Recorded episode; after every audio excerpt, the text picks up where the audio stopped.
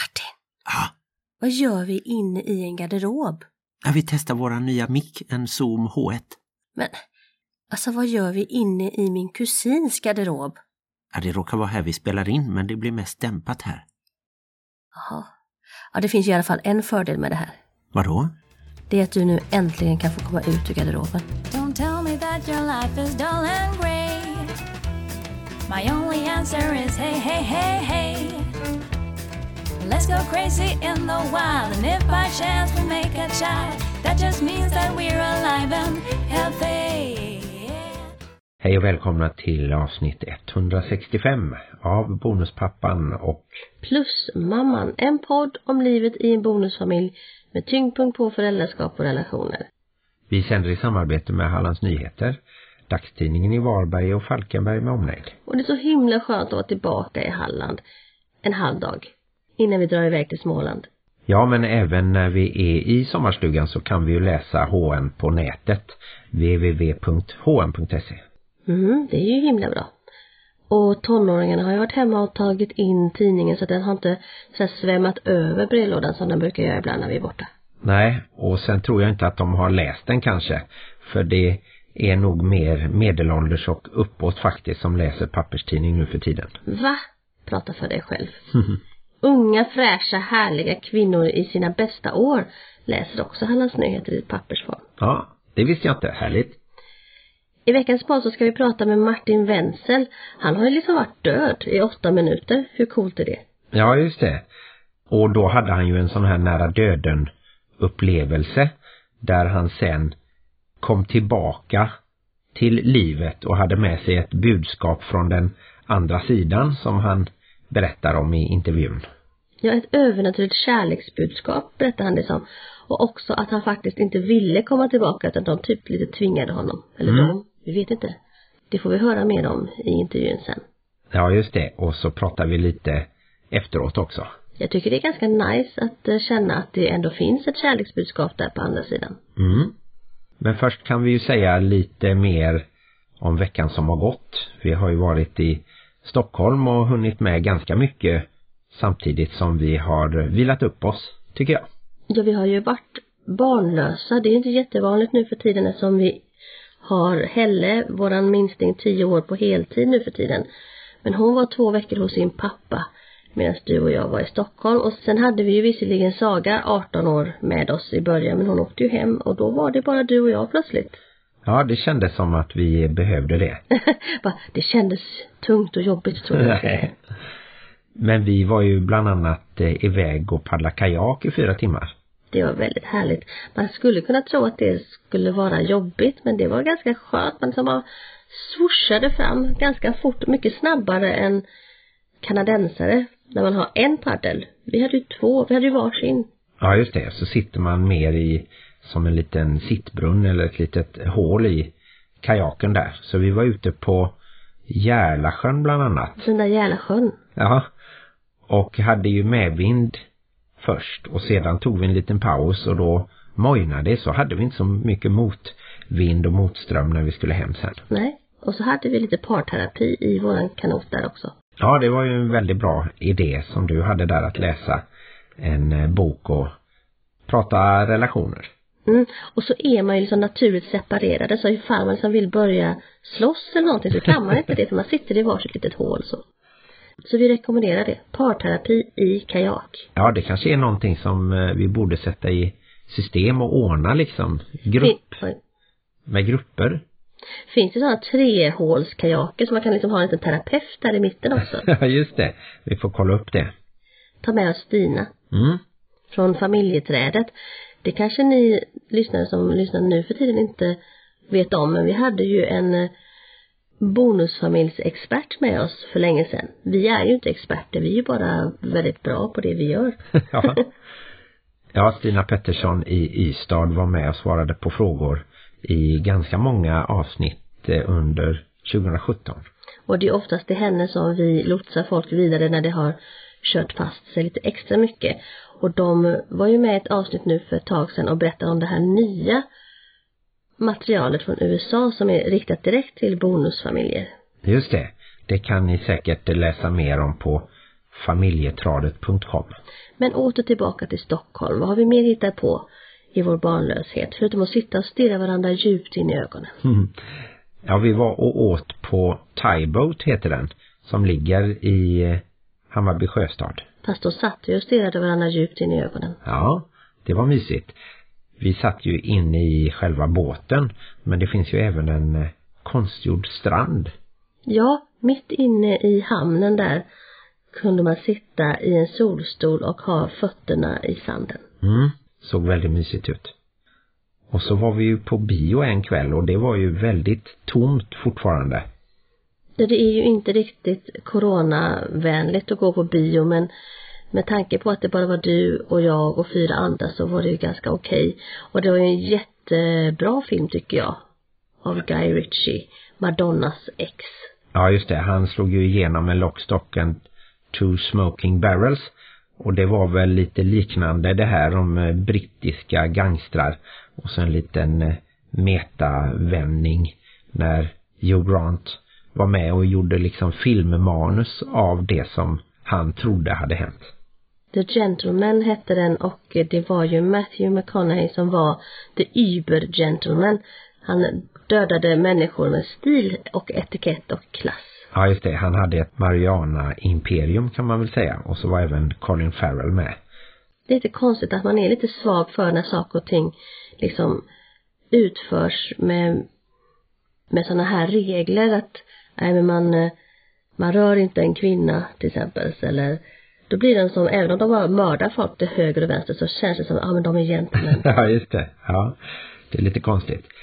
Sen så var ju du iväg och fick lite massage. Det var väldigt nice. Jag är väldigt glad att min massös från Lerum har flyttat till Stockholm bara för min skull. ja. Nej, men hon hade flyttat dit och hittat en jättehärlig lya i Stockholm där hon ska sprida sitt mjuka budskap med härliga krämer och även massera mig. Mm. Och då var jag en kort sväng på den här Jenny Linde-utställningen som är på Konserthuset. Jag visste inte så mycket om henne. Näktergalen kallades hon väl och blev världsberömd som operasångerska i mitten av 1800-talet. Jag tänkte precis säga, jag vågar inte fråga dig om du kan berätta någonting för i så fall måste vi ha ett poddavsnitt till om det misstänker jag. För nu är du väl Jenny Lind-expert? Nej, jag fick veta lite grann om henne bara eftersom jag inte visste någonting förut. Så det var kul ändå. Och sen på hemvägen så tog vi vägen om en eh, loppis och gjorde några små fynd. Köpte en väldigt skum väska som ingen visste vad den hade varit till. Och jag har även eh, sålt en symbol. Det är alltid trevligt när man har för många. Och så har jag testat att springa upp för den här Hammarbybacken, skidbacken. Tänk om du hade sprungit upp för backen med symbolen på ryggen. Ja, den väger väl en två kilo i alla fall så det hade varit extra träning i så fall. Men nej, jag kände i eh, låren flera dagar efteråt de två vänderna upp till toppen där.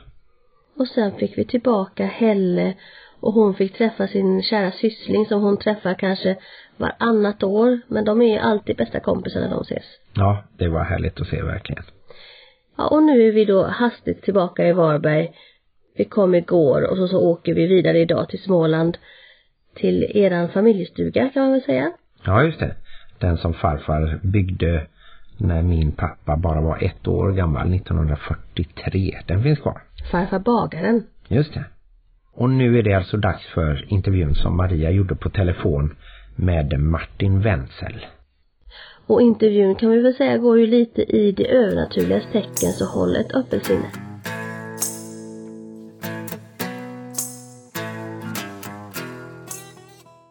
Hej och välkommen till podden Martin Wenzel. Hej! Hej! Du har ju varit med om en ganska speciell upplevelse. Du har nämligen varit död i hela åtta minuter. Ja, Det låter ju oerhört spännande.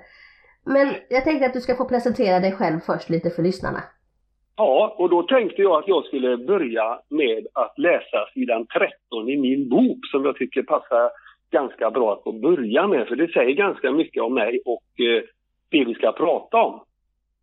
Hej min vän, vem du nu än är som sitter och lyssnar på mig. Jag säger först hej till dig, till den som du tror att du är, Det vill säga den som du intellektuellt identifierar dig med i din fysiska kropp. Jag säger sedan hej till den du är på riktigt. Ditt osynliga sanna jag som bor inuti din fysiska kropp. Det viktiga är att du blir medveten om att du är och består av två lika viktiga delar som behöver komma i balans och till tryck. Det intressanta är att när vi döps så namnger vi vår fysiska kropp men inte vårt icke-fysiska sanna jag. Med tanke på att vi är själen så borde det egentligen vara minst lika viktigt att nämna denna, eller namnge denna. Det är förvånansvärt att vi inte identifierar oss med själen, den som vi är på riktigt. Och det var ju i din bok som heter Jag var död i åtta minuter och kom tillbaka med livets nycklar. När skrev du den här boken? Ja, vi har skrivit den, min sambo och jag, vi, vi sammanställde det här materialet. Det tog hela fem år på två personer. Vi jobbade fyra dagar i veckan på heltid och min sambo hon är väldigt duktig på att skriva och komponera meningar och texter. Och eh, jag hade så mycket med mig för redan 1986 när jag dog i den här trafikolyckan då så så händer det en massa saker fysiskt först och främst men sen kommer det känslomässiga fram som jag börjar fördjupa mig allt mer och mer och jag tyckte det var så otroligt spännande och intressant. Och i den vevan så förärade jag lite pengar och en släkting som gjorde att jag kunde lägga ner väldigt mycket tid på, vid sidan av min skivskrivning, att jobba med hypnos och djupa meditationer så jag verkligen skulle lära mig det här som var så oerhört obeskrivligt trollbindande och intressant. Jag har hållit på med detta i alltså över 30 år. Och eh, det, det, tog så lång tid som fem år att sammanställa materialet så nu har vi tagit fram den första av de här böckerna då. Och eh, den har ju blivit väldigt, väldigt välkommen och vi ska översätta den till andra språk nu och så vidare. Alltså responsen är jättestor, det kan ni gärna läsa om på min hemsida. Mm. Men ska vi backa bandet lite bakåt i tiden? Ja. Var föddes ja. och växte du upp och eh, levde du i en kärnfamilj, i din grundfamilj? Ja, det gjorde jag faktiskt. Och min mormor och hennes syster bodde på andra våningen i huset. Vi kommer från en eh, enkel eh, glasbruksfamilj i, i Surte som jobbade där. Det var glasblåsarsläkt. Och eh, det tog mig... Ja, i lilla Surte. Det ligger en och en halv mil norr om Göteborg. Är inte det känt för att eh, en stor del av Surte rasade för många jo. herrans år sedan? Ja. ja. Kommer du ihåg det? Eller du, hur gammal är nej, du? Nej, Jag är 62 och ett halvt år ung. 62 och ett halvt år ung, precis. Äh, det här kanske var före den tiden. Men jag är ju bara 30 år sedan jag kom tillbaka. Jag är bara 32 så jag har liksom börjat om. Va? Jag är sponsor, det, you only live twice och jag har min andra gång nu också. Så jag är egentligen, jag är 32 och ett halvt och ska snart fylla 33. Vad härligt. och sen växte du upp där, eh, hade du syskon? Ja, ett syskon hade jag. Och jag växte upp i, i den här familjen, det var alltid folk hemma. Mamma och pappa hade ju rörelse var för sig. Men det var alltid folk hemma i huset som, som var där. Och jag bodde granne med kyrkogården där vi ofta sprang då, barn. Vi tyckte det var ganska spännande när det var någon som gick bort och sådär va. Mm. Och det här satte ju ganska djupa spår i mig. Man kunde heja på någon i Lilla Surte ena veckan och nästa vecka så kunde de, man se dem sänkas ner i en grav. Mm, mm. Och detta gjorde ju att jag funderade väldigt mycket på det här med livet. Vad är, vad är meningen med alltihopa? Vad går det ut på? Ska vi leva och aldrig någonsin uppstå igen? V vad är det som händer? Har du alltid varit intresserad av eh, vad som har varit bortom det vetenskapliga? Ja, det var ju så när min mamma låg på BB så fick hon en uppenbarelse av att hennes, och det skriver jag på sidan 13, var det förutbestämt när min mamma då eh, låg och eh, påkallade uppmärksamhet av sin då avlidna mormor, som betyder väldigt mycket för henne. Och eh, mamma hade växt upp som oäkting i ett brukssamhälle. Hon hade det väldigt, väldigt besvärligt och mormor också. Och så hon fick väldigt mycket stöttning av min gamla mormor, alltså min mammas mormor. Och när hon låg på BB där så önskade hon att mormor Hulda skulle varit med och se att hon hade fått en son. Mm. Och eh, hon eh, sände då ut energi. Jag skulle önska att du var här hos min mormor och se att jag fått en son. Så somnade hon till och så vaknade efter en liten stund att någon var i rummet. Kände att det var en energi i rummet. Men hon, när hon vaknade och tittade upp så trodde hon att det var solen som brände honom för det var så otroligt starkt ljus från söder. Detta var mitten i juli och solen sken utanför. Men hon tittade upp så fick hon se att det starka ljuset inte kom uppifrån, utifrån fönstret utan uppifrån ena hörnet av rummet. Och där såg hon att de här strålarna och den här närvaron blev starkare och starkare. Hon kände någonting som hon kände igen. Och när hon tittade efter en liten stund igen då så materialiserades min gamla mormor, alltså min mammas mormor och berättade för min mamma att hon såg att hon hade fått en son. Och berättade att, eh, kommer inte du ihåg att din makes farfar heter Martin?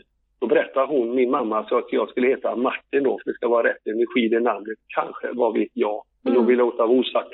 Så sa hon att Martin kommer att arbeta med att ge människor ljus. Men vad han kommer att göra, det kommer du förstå när du blir äldre, sa hon. Och det, det roliga i det här är att min mamma trodde ju det hela min uppväxt att jag skulle bli elektriker. Så det, det kan, Det kan man ju skratta lite grann åt. Men, men det var ju det att jag har ju hela tiden omedvetet då haft den här jättelängtan efter att söka, söka vad är som är meningen med livet och vad det här ut på, vad handlar det om? Mm. Vad blev du sen då? Blev du elektriker? Vad har du jobbat med? Nej, jag, jag blev slöjdlärare. Jaha! Och sen så hände den här händelsen då. Då var du i 30-årsåldern. ja. Berätta lite om den.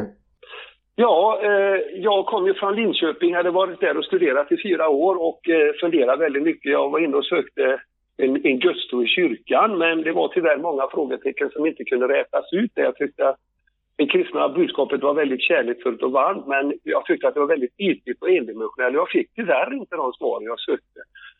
Jag började också med yoga och meditation tidigare och mediterade väldigt mycket och det gav mig väldigt, väldigt mycket yogan. Mm. Eh, Men när jag kom hem från mina studier i Linköping så gick, var jag i snickarverkstad och sände ut energi till universum och vädjade till allt som var känt, allt som var okänt. Hjälp mig, vad går det här ut på? Jag måste fylla det stora tomrummet som jag har inom mig. Vad är det jag ska göra? Vad är min mission här i livet? Mm. Snälla hjälp mig!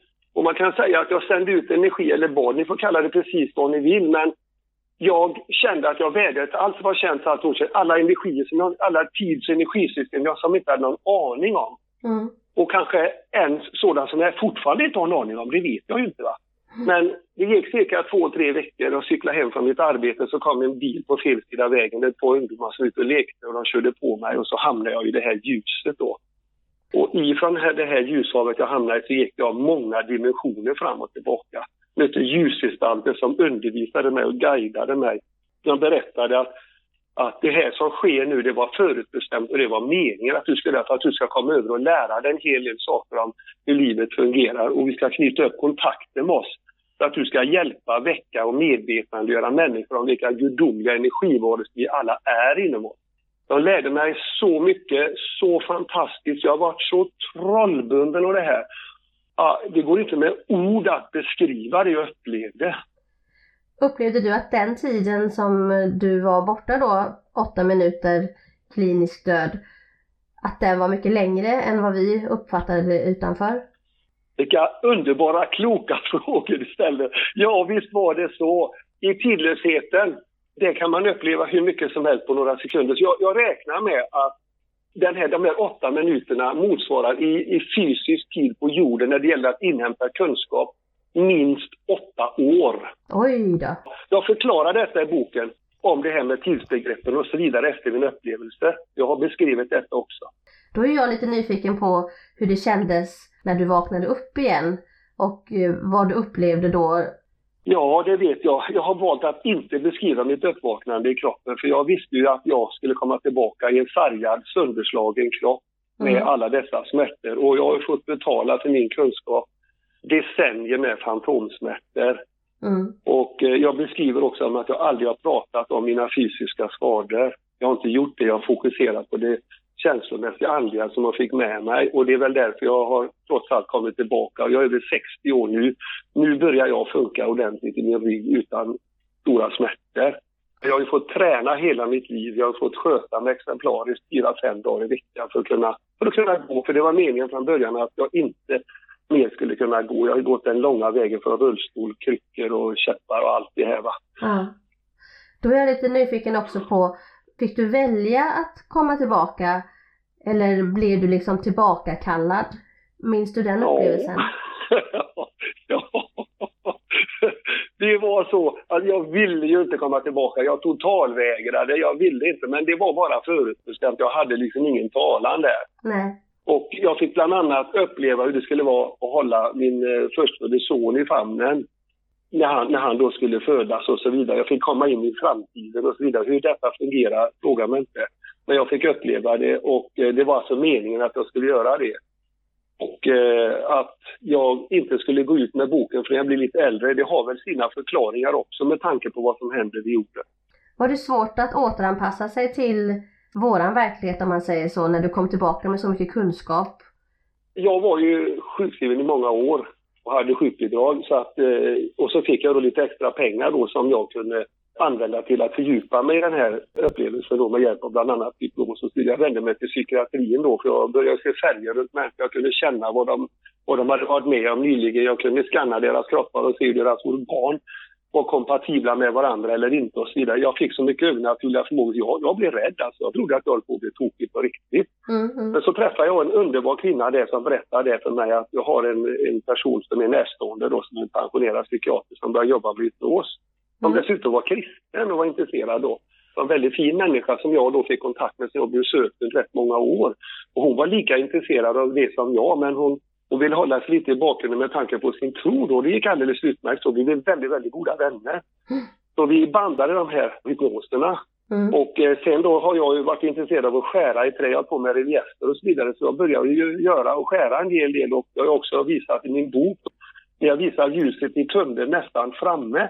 Och jag visar ett altare som i altarets front avbildar den ljusgestalten då som guidade mig runt. Men jag vill säga det, understryka det och det, jag är, tillhör ingen traditionell religion eller kyrka eller något samfund av något slag. Självklart har jag en tro på det högsta gudomliga goda, absolut, det har jag. Men eh, så det, det, det frånsäger jag mig inte, men, men jag är inte konventionellt kristen eller religiös eller på det sättet. Och då kom du tillbaka och så hade du en väldig massa kunskap om livet som vi lever och kanske även om livet som vi kan förvänta oss efter det här livet.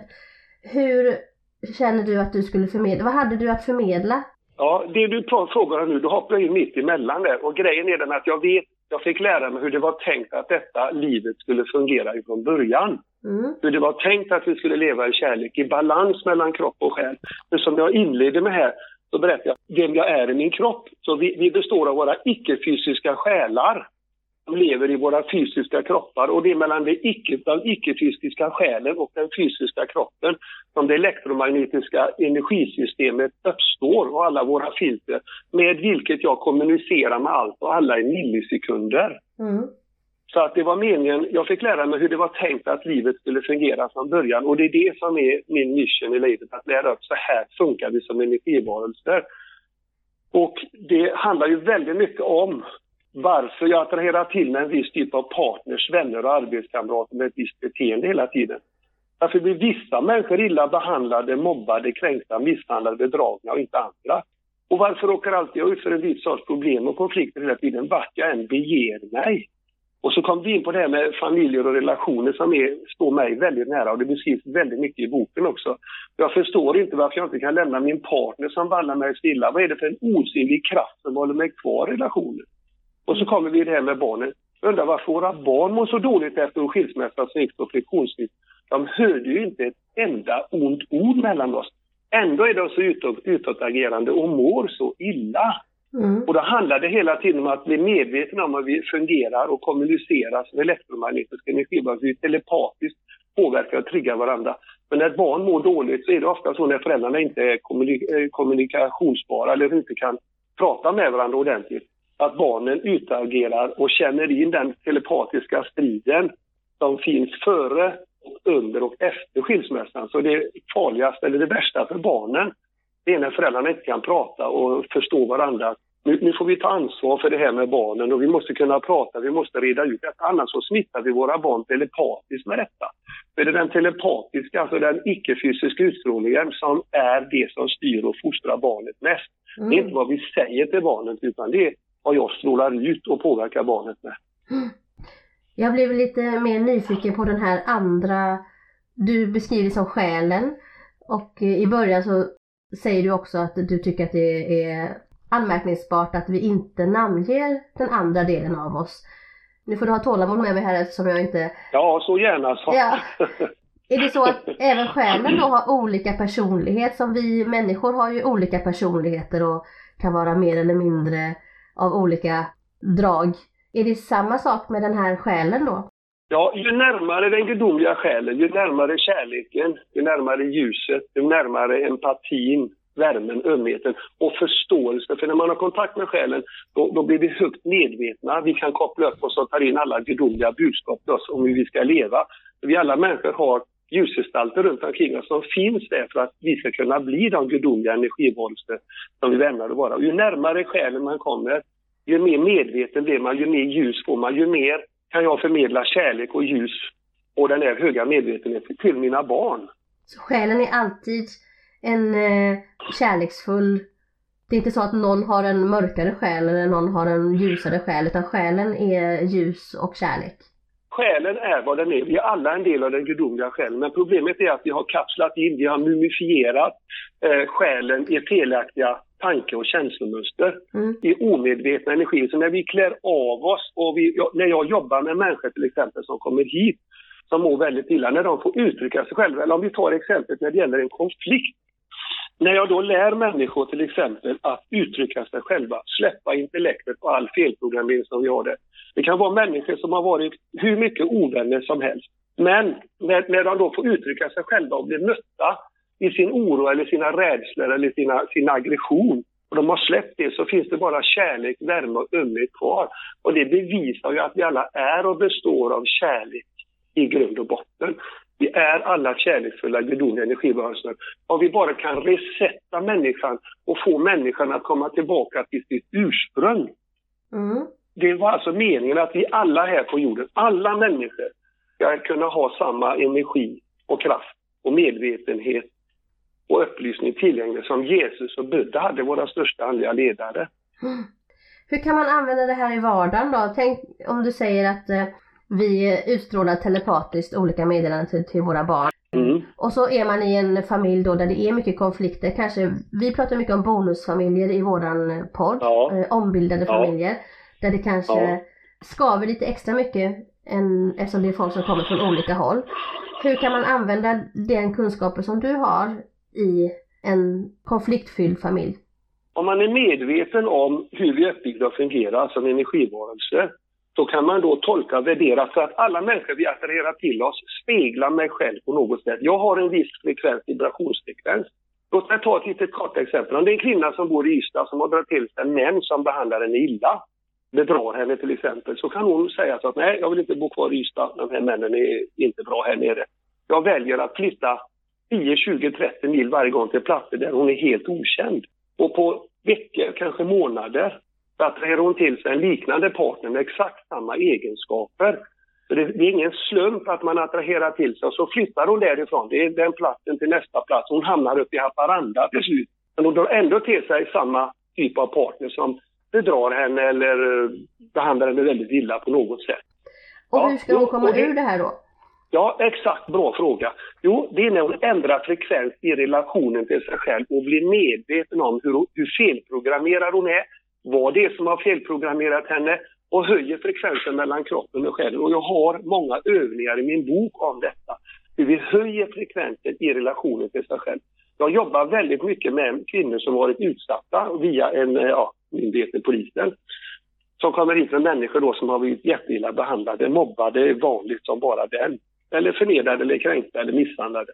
Och när hon då får bli medveten om hur, hur det var tänkt att hon skulle funka från början och börjar programmera om sig och mätta sig själv med kärlek och man tummar ut det som vi har i vårt undermedvetna.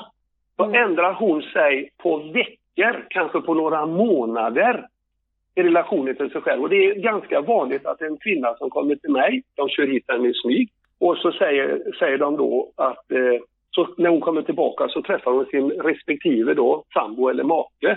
Och så säger hon till mig att ja, men min man säger att ja, det märks på torsdagar att du är så förändrad. Jag får ingen, eh, ingen makt över dig. Jag kan liksom inte manipulera dig. Du glider ifrån dig. Vad är det som har hänt? Mm. Och detta i sin tur har ju resulterat i att deras respektive har inte varit speciellt glada om de får reda på vem jag är. Mer än så vill jag inte säga. Så det, detta går att förändra och det är inget märkligt. Och det är det jag beskriver i boken. Som jag tolkar det rätt, så det som händer oss är för att vi drar, vi sänder ut en viss energi på grund av att vi inte är medvetna om vem vi egentligen är och ju mer, Ja. ju mer vi hittar oss själva, ju mer andra människor som är bra för oss drar vi till oss. Ja, ju mer väl du behandlar och lyssnar på känner in och uttrycker ditt meddelande från din själ, ju mer du blir kompatibel med dig själv, ju högre energi strålar du ut, ju högre medvetande får du, ju mer ljus runt omkring dig har du, ju mer kärlek och glädje attraherar du. Och, och eh, det styr hela ditt liv. Hur kommer det sig att vissa människor och inte andra mentalt i sin fantasi kan skapa sitt drömliv och sen bara attrahera till sig detta? Eller sin drömpartner? Och det är det när man höjer frekvensen mellan kroppen och själen. Man respekterar, först man lär jag mina klienter att acceptera sig själv, sen att steg för steg tycka om sig själv och i slutet att kunna säga att man älskar sig själv. Och det är ett stort steg. För när man jobbar med det här så kommer det upp saker och ting i mitt undermedvetna som säger liksom att nej, du är inte bra som du är. Det är som en del säger till mig att ja, det känns som det sitter en liten rackare på axeln och säger att nej, det här stämmer inte. Och det här är viktigt att lyssna på den här lilla rackaren då. För att den uttalar och berättar för dig vad du har för kontraintentioner, vad som är för hinder mellan dig och dina mål i livet. Mm. Och det är alltså dysfrekvenser, brister, obalanser och låsningar mellan kroppen och själen. Och när vi tar bort den, då blir vi medvetna, vi höjer energi, vi blir kärleksfulla och gudomliga energivarelser. Det här är så viktigt. I USA där har man skrivit massa böcker om det här med of Attraction och det handlar först och främst i Amerika då, även i Sverige, om att vi ska attrahera till oss pengar och rikedom och makt och så vidare, vad titlar. Det handlar inte om det. Vi missbrukar attraktionslagen på ett väldigt negativt och billigt sätt. Jag vill säga, jag är väldigt ledsen för det. Mm. Attraktionslagen ska vi ha för att attrahera oss kärleksfulla, goda rela- relationer. För när vi kommer tillräckligt högt upp i ljuset allihopa, då ska vi levitera, vi ska transformeras upp i högre dimensioner och leva i en förening och kärlek. För vi är här för att leva i och uppleva kärlek. Vi är alla här för att förenas i kärlek. Och du beskriver i din bok övningar man kan göra för att komma närmare kärleken till sig själv, vad jag förstår. Har du några konkreta tips som man kan börja innan man har läst din bok kanske, att komma närmare självkärlek? Det viktiga är att man förstår att jag inte är min själ utan jag är min icke-fysiska sanna jag, mitt känslomässiga sanna jag som bör komma till uttryck i relationen till mig själv, i mötet med andra människor. Och när det gäller våra små gudomliga barn, så lyssna på ditt barn. Låt ditt barn komma till uttryck. Låt ditt barn få berätta vad det känner oavsett vilken frekvens eller vilken känsla de är. Om barnet så slänger grejer runt omkring sig, skriker, gråter och uttrycker sig. Låt barnet uttrycka sig så mycket som möjligt för att sedermera då komma att få kontakt med barnets sanna jag, barnets själ. Barnen är våran framtid. De finns i våra liv för att jag har attraherat till mig. Jag har omedvetet telepatiskt skapat och utvecklat mina barn. För så som jag relaterar till mig själv omedvetet, den energin strålar ut och påverkar mina barn. Den fyller hela hemmets atmosfär som en, en dimma. Och mina barn och djur går runt där och upplever, alltså om vi är två föräldrar, båda två har synpunkter på sig själva, på varandra. De är jättearga på varandra för att de inte kanske ger varandra kärlek eller bekräftar varandra eller vad som helst. Då går de där en missnöjd. Då står de ut en energi i lägenheten eller runt gården där de bor. Så går barnen runt där och känner den här dimman, den här energin som om det var riktad mot just barnet själva. De tolkar det som att det här var riktat mot dem själva. Har då båda föräldrarna synpunkter på varandra så får barnet negativ utstrålning från både mamman och pappan. Mm. Så barnet får liksom dubbelt upp och eh, barnet upplever då som att det är fel på sig själv. Det får barnet, så suger barnet åt detta, så får barnet den här negativa utstrålningen. Man ärver mönster på så sätt. Så när barnet sen kommer ut i livet så tar det förhållandevis kort tid innan barnet attraherar till sig en, vän eller en partner som behandlar barnet lika illa så som barnet omedvetet om hur barnet behandlar sig själv. Och det börjar i syvende och sist med föräldrarna. Så som föräldrarna är omedvetna att de behandlar sig själv, så påverkar de och smittar våra barn. Och eh, så som barnet behandlar sig själv så strålar de ut en energi som gör att andra kompisar kommer att behandla barnet så som det är omedvetet att behandla sig. Så när man jobbar med mobbing till exempel, men när man upplyser barn, barn är jätteöppna, de är så utvecklade som man bara, det, det är helt otroligt. Eller så är de inte? Man- invecklade än, som vi vuxna. Nej, nej, nej, de är inte så felprogrammerade som barn. Jag har jobbat med barn innan då, i, i problembarn, innan jag pluggade till slöjdlärare. Jag ville starta, starta skollagen för barn som hade rörigt i sina hem. Mm. Och de är så underbara och fina när de blir mötta. Om ni bara vet vad som finns inne i varje individ. Jag skulle önska att alla hade fått lära sig att kommunicera med det fysiska jaget, ja, men samtidigt kommunicera med barnets själ. Det högre jaget, det sanna jaget. Och säga, släpp fram dig själv, kom fram. Mm. Uttryck dig, bli fri. Jag älskar dig oavsett. Jag vill hjälpa dig. Kom igen, vad du än känner. Det vet vi i vuxenrelationer också, att får vi uttrycka oss vad vi känner, kommer vi älska den personen som lyssnar hur mycket som helst. Mm. Min eh, nästa fråga var egentligen vad man gör för fel i sin föräldraroll. Men jag tycker att det som du har berättat nu ganska mycket belyser det att vi kanske inte lyssnar på vad barnen egentligen uttrycker utan vi bara fokuserar på själva uttrycket. Att ifall ett barn skriker så säger vi att de ska sluta skrika och att om de beter sig illa att de ska sluta bete sig illa. Har jag, är jag ute rätt där? Att vi ska lyssna på någonting Exakt, innanför? du är, så, du är så rätt ute. Det gäller att lyssna på det underliggande sanna budskapet. Vad är det barnet egentligen säger bakom detta? Om ett barn kommer och är arg, eller en vuxen som man säger, gapar och skriker. Under all form av ilska döljer sig rädsla. Mm. Och när man får uttrycka den här rädslan, när man får uttrycka sig själva och bli mötta och förstå att det kanske är ett missförstånd, det kanske beror på mina egna filter. För jag ser och upplever i andra hur jag omedvetet behandlar, ser på och framförallt känner för mig själv. Och det är detta jag förklarar så tydligt i boken. Det är, den är inte speciellt tjock, men det är väldigt, väldigt mycket fakta i den och det är därför den har blivit otroligt uppskattad. Och det är det här att man kan få övningar och jobba med sig själv och förstå hur det funkar. Så det är viktigt att vi får, får tänka på det, för barnen är våran framtid. Så kan man säga också att om jag upplever mycket konflikter i min omgivning så beror det på att jag egentligen har en konflikt med mig själv. Ja, helt rätt. I relationen till din själ, mellan ditt intellekt, ditt fysiska sanna jag och ditt intellekt, eller jag tycker inte om att prata om ego, men mellan intellektet och själen, det handlar om hur du möter, ser på, känner och tar emot och lyssnar på din själ, din egen gudomliga själ. För den vill komma till uttryck, den har budskap ifrån andra sidan, den har connection med högre dimensioner och det är det vi ska lära oss att lyssna på. För våra guider som finns runt omkring oss, de vill bara att vi ska leva i kärlek. Att vi ska komma överens, att vi ska må bra. Det låter Att vi ska uppleva. Euforiska känslor av lycka. Ja, det är det livet ska gå ut på. Det är det jag ska undervisa om och lära ut. Och så tänkte jag fråga det som säkert många undrar. Ska vi vara rädda för döden? Nej, nej, nej, nej, nej, nej, nej. Det är bara en övergång till ett annat tids energisystem. Det är, nej, nej, nej. Det är det sista vi ska göra. Det finns ingen död. Då... Det är kanske någon... Nej, Det kanske, ja, det, Nej, kör du. jag kanaliserar bara så jag bubblar på. Det, det jag får till mig det säger jag. va. Jag har ju följt med folk runt omkring mig, guider som berättar för mig vad jag ska säga. Ja. Innan jag börjar prata idag så kopplar jag upp mig och ber dem på andra sidan. Jag vill bara förmedla kärlek. Jag vill vara en ljusbärare. Ni får hela min kropp och själ, mitt förstånd, ni får allt. Använd mig till att skapa kärlek i den här världen. Då när man brukar prata om att man inte ska vara rädd för döden och att döden är bara en övergång till nästa liv så är det ju alltid någon liten juppe som räcker upp handen och säger jaha men ska man, ska man inte bara ta livet av sig då då? Jättebra, vilka frågor du ställer. Nej, och jag fick lära mig det, och det står det också skrivet i boken, att vi ska inte under några som helst omständigheter försöka förkorta våra liv. Inte. Utan var sak har sin tid. Vi är för att lära oss och utveckla vissa saker. Och vi får inte större prövningar än vi klarar av. Det här är jätteviktigt.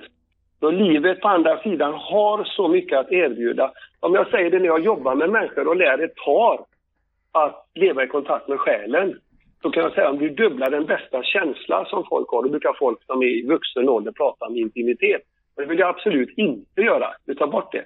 Utan den här kärleken man har till en partner när man blir mött, när man får uttrycka sig och man känner att man är ett med den här personen man lever med och man, man, man vill bara öka frekvenserna så kommer du uppleva euforiska känslor och lycka och du kan släppa kroppen, du kan levitera. Om du jämför då med den bästa känslan man tycker att man har haft, om du då dubblar den känslan tusen gånger, dubblar, nu kanske jag överdriver när jag säger tusen, men hundra gånger åtminstone då. Då kommer vi uppleva saker som vi inte trodde man skulle kunna uppleva i fysisk kropp. Och det beror på att våra hjärnor, alltså hårddisken, är så felprogrammerad. Vi använder kroppen bara till, eh, till några få procent. Och eh, när vi då möter själen mer och mer så får vi mer och mer kontakt med det gudomliga i oss. Och då behöver vi använda större del av hjärnan. Mm. Det här har vi, och vet, jag vet så många små barn som jag möter då, som jag har, de har bett mig sända kärleksfull energi till barnet. Du kan kalla det vad du vill. Det säger välsigna barnet. Jag vet inte vad man ska kalla det. Men jag, jag sänder gudomlig kraft och energi på ett litet barn. Och barnet kan kommunicera med mig. Och om jag har gjort det med små barn, så när barnet blir några år så kan det barnet fråga, som nu kanske är tre, fyra år gamla, så kan det barnet fråga ett yngre nyfött syskon. Hur var det där på andra sidan? Hur var det? Då minns de. Mm. Då minns de andra sidan. För det här är inte så märkligt. Vi är inte så långt borta. Det var jättemycket intressant som vi hade att prata om Martin, men tiden börjar rinna iväg här. Jag ska försöka mig på en liten en sammanfattning som jag ser det och eh, vad jag har fått till mig av det här är att vi är här för att lära. Vi är här för att bli mer ett med oss själva, med kroppen och själen. Att känna villkorslös kärlek till oss själva och våra medmänniskor. Och vi ska inte vara rädda för döden, döden är bara en övergång. Och, men vi ska inte heller förkorta våra liv utan uppleva och lära oss av det som vi har blivit givna här. Vad tror du om det? Ja, du har sammanfattat detta väldigt, väldigt bra. Jag vill bara säga om min bok Jag var död i åtta minuter och kom tillbaka med livets nycklar. Den finns bland annat på min hemsida www.martinwenzel, den finns på de stora internetbokhandlarna, men jag har gått ut med ett förhållandevis väldigt lågt belagspris på den här boken så att alla som vill ska ha råd att lyssna på det. Och det är samma på mina kurser och seminarier. Jag kommer från ett vanligt enkelt hem och jag vill inte att min kunskap och det gudomliga uppgift ska vara för folk som just har pengar utan jag vill att alla människor ska ha tillgång till kunskapen och kärleken för det är den vi ska förenas i. Fantastiskt. Och jag tackar dig Martin för att du tog dig tid att vara med här och prata och jag ska fortsätta läsa boken. Jag fick ju den här i veckan och har börjat läsa den så jag är väldigt spänd på vad den kommer att ge mig. Och så hoppas jag att vi kanske ses på riktigt en dag. Ja, vem vet, vem vet. Vem vet. Tack snälla Martin och så får du ha det jättebra. Tusen tack och jag önskar er alla ljus och kärlek och önskar att ni ska få möta era sanna jag, era själar. Då kommer ert liv ta en helt ny dimension. Lycka till. Tack för mig.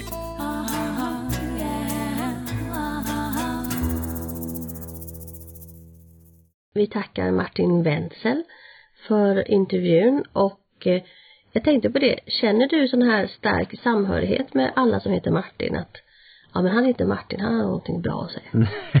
Nej det har jag nog aldrig tänkt på men jag minns ju att mina föräldrar tyckte att Martin var ett väldigt ovanligt namn då när jag föddes 1969.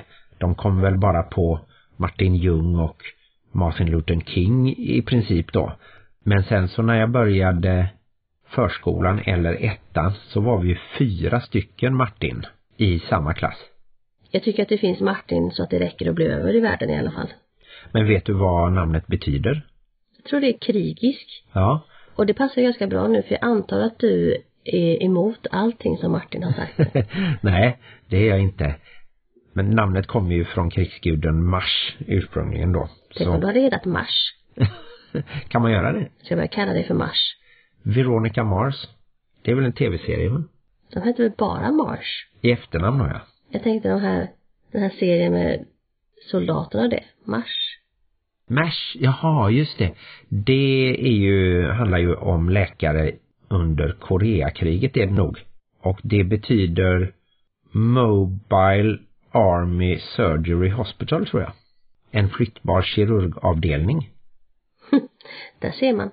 Jag vågar knappt fråga dig, har du någonting att säga om uh, intervjun? Nej, jag tyckte att det var ett jättefint budskap och det tycker jag att man kan ta till sig även om man inte tror på liksom den övernaturliga delen, det här med utstrålningen då som man inte kan mäta. Det som han sa om elektromagnetiska fält och så. För jag tror ju att barn kan känna intuitivt att föräldrarna inte är överens ändå. Utan att det är något övernaturligt då. Men energier är ju inte övernaturligt. Energier tycker jag är väldigt mycket en verklighet.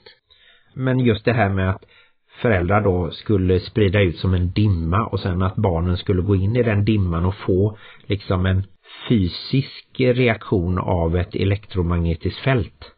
Det är det som är så spännande med dig och mig Martin, det är att vi kan tycka så olika och ändå leva tillsammans. Det är härligt. Ja.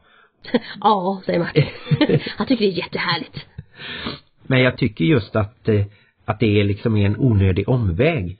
Men själva budskapet håller jag ju helt med om. Och jag tror att det påverkar barnen väldigt mycket. Och sen så vill jag ju inte kritisera Martins upplevelse för den är ju hans och den har han rätt till och den är sann för honom och så.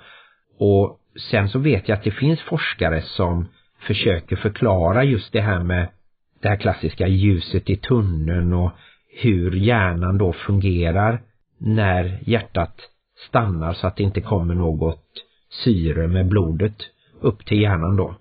Och det tycker jag är intressant att läsa om. Om man kan få någon förklaring att det skulle kunna vara en slags hallucinationer, att hjärnan liksom går på högvarv. Man har testat det på råttors hjärnor till exempel då. Men en förklaring är också ytterligare bara en åsikt eller en uppfattning.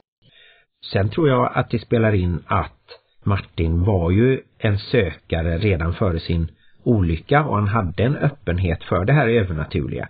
Det är inte säkert att jag hade fått samma upplevelse om jag hamnade i en sån nära döden upplevelse då. Den som lever får se, som man säger. Men vi går vidare från detta och så får ni själva fatta er egen uppfattning om detta och vill ni veta mer så kan ni som sagt var köpa hans bok jag var död i åtta minuter och kom tillbaka med livets nycklar av Martin Wenzel. Ja just det, hans eh, hemsida är ju lätt att hitta också, det nämnde han ju i intervjun. Martin har faktiskt bjudit hem oss att ha lite samtal med honom så det kanske vi ska göra i framtiden. Det är spännande när tvivlande Martin och upplysna Martin ska träffas. ja, ja men jag har ju absolut inga problem att eh, diskutera till exempel religion och sådana metafysiska saker. Jag har ju min uppfattning men jag försöker verkligen respektera alla andra uppfattningar. Jag tycker att du blandar in religion alldeles för ofta. Religion och andliga upplevelser är långt ifrån varandra. Ja, just det. Detta är ju som sagt eh, mer new age och en andlighet som han säger själv också att han står ju utanför alla samfund och all organiserad eh, religion och så. Ska vi ta en bonusfamiljs aspekt innan vi avslutar detta avsnitt? Har du något bonusfamiljigt inuti dig som vill ut? Nej, jag har ju lyssnat på en dokumentär i serien Petri verkligheten som jag kan rekommendera som handlar om en svensk tjej som heter Nicole och som eh, inte har haft kontakt med sin amerikanska pappa så mycket under uppväxten. Men hon har då hittat fler syskon och halvsyskon.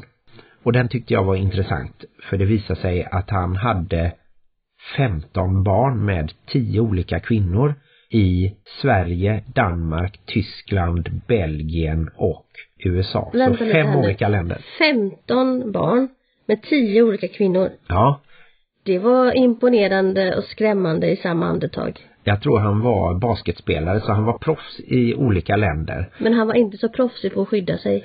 Nej, det kan man väl säga. Jag vet inte hur många barn som var planerade men han har ju tyvärr inte så bra kontakt med barnen och han påstod väl att anledningen att han inte kom tillbaka till Sverige var att hans pass hade blivit tvättad i tvättmaskinen och sen när han ville ha ett nytt pass då hade han inte betalat underhåll till något av barnen i USA och därför var han tvungen att stanna kvar där. Man är alltid lika fascinerad över hur de lyckas manipulera alla dessa kvinnor. För jag tänker att om en kille hade sagt att hej, jag har eh, 15 barn med 10 olika kvinnor så hade inte jag tyckt att det var så vidare charmigt. Nej, och det var väl just det också att han inte berättade hur många barn han hade och hur många syskon det fanns utan det har då i första hand Nicole fått upptäcka efterhand så hon har liksom sökt reda på och försökt få alla att träffas eller hålla kontakten och så. Men är det sån här alfahanne-grej bara, jag ska ut och befolka världen med min egen avkomma? Nej, det tror jag inte. Det lät på honom för han var faktiskt intervjuad också. Som att eh, det var bara något som hände och ja, nu, hände. nu visste ju alla barn om varandra så nu var det ju liksom ingen fara. Man kan inte gå tillbaka och titta på det som har hänt och ja, jag vet inte. Det är ju fascinerande ändå med alla de här barnen som då tyvärr får växa upp utan pappa. Det är spännande hur folk kan använda ganska kloka saker och vända på det.